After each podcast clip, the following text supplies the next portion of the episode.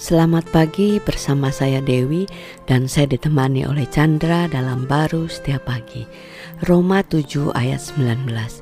Sebab bukan apa yang aku kehendaki yaitu yang baik yang aku perbuat, melainkan apa yang tidak aku kehendaki yaitu yang jahat yang aku perbuat. Wah kan kalau kita ngelihat seperti ini kan jadi kayak kita ini kayak punya pribadi ganda gitu ya. Mau melakukan yang baik eh nggak tahu keluar jahat gitu. Nah ini kan gimana ya kalau hidup seperti ini ya? Iya sebenarnya sih orang kan berpikir kan uh, iya pasti harus ada keinginan baik baru bisa melakukan yang baik gitu kan. Betul. kan.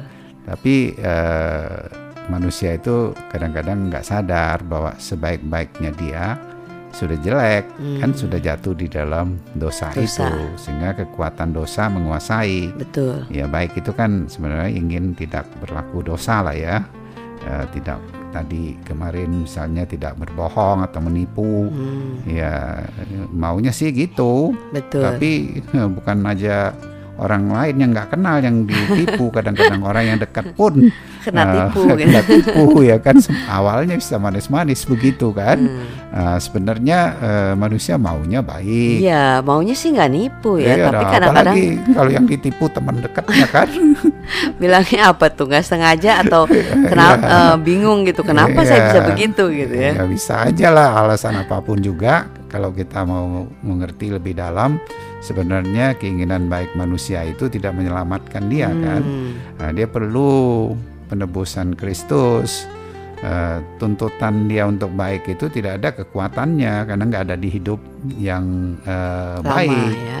hidup dosa dia kan Ah, maka itu Tuhan menebus sehingga eh, dia berikan eh, hidup baru hidup dengan kebenaran dia dengan Hmm. kita percaya kepada Tuhan. Kita nggak eh, bergumul untuk baik itu karena terpenuhi. Hmm, tapi kita itu bisa menikmati pemberian hidup baik itu. Dan kita percaya dan itu bukan sesuatu yang filosofis ya tapi sesuatu yang bisa dinikmati keindahan kebaikan Tuhan eh, di dalam hidup kita sehingga bisa dinyatakan hmm, eh, dengan eh, caranya Tuhan di dalam berbagai hal sehingga kita nggak heran ketika kondisi situasi mepet sekalipun ya kita nggak terbawa oleh eh, beratnya situasi kondisi karena eh, besarnya kehidupan dia yang ada di dalam hidup kita. Bahkan kadang-kadang itu me- bisa menyatakan kemuliaan dia. Hmm, jadi sebenarnya eh, melakukan yang baik itu bukan seperti kayak apa ya eh, karakter ya, tetapi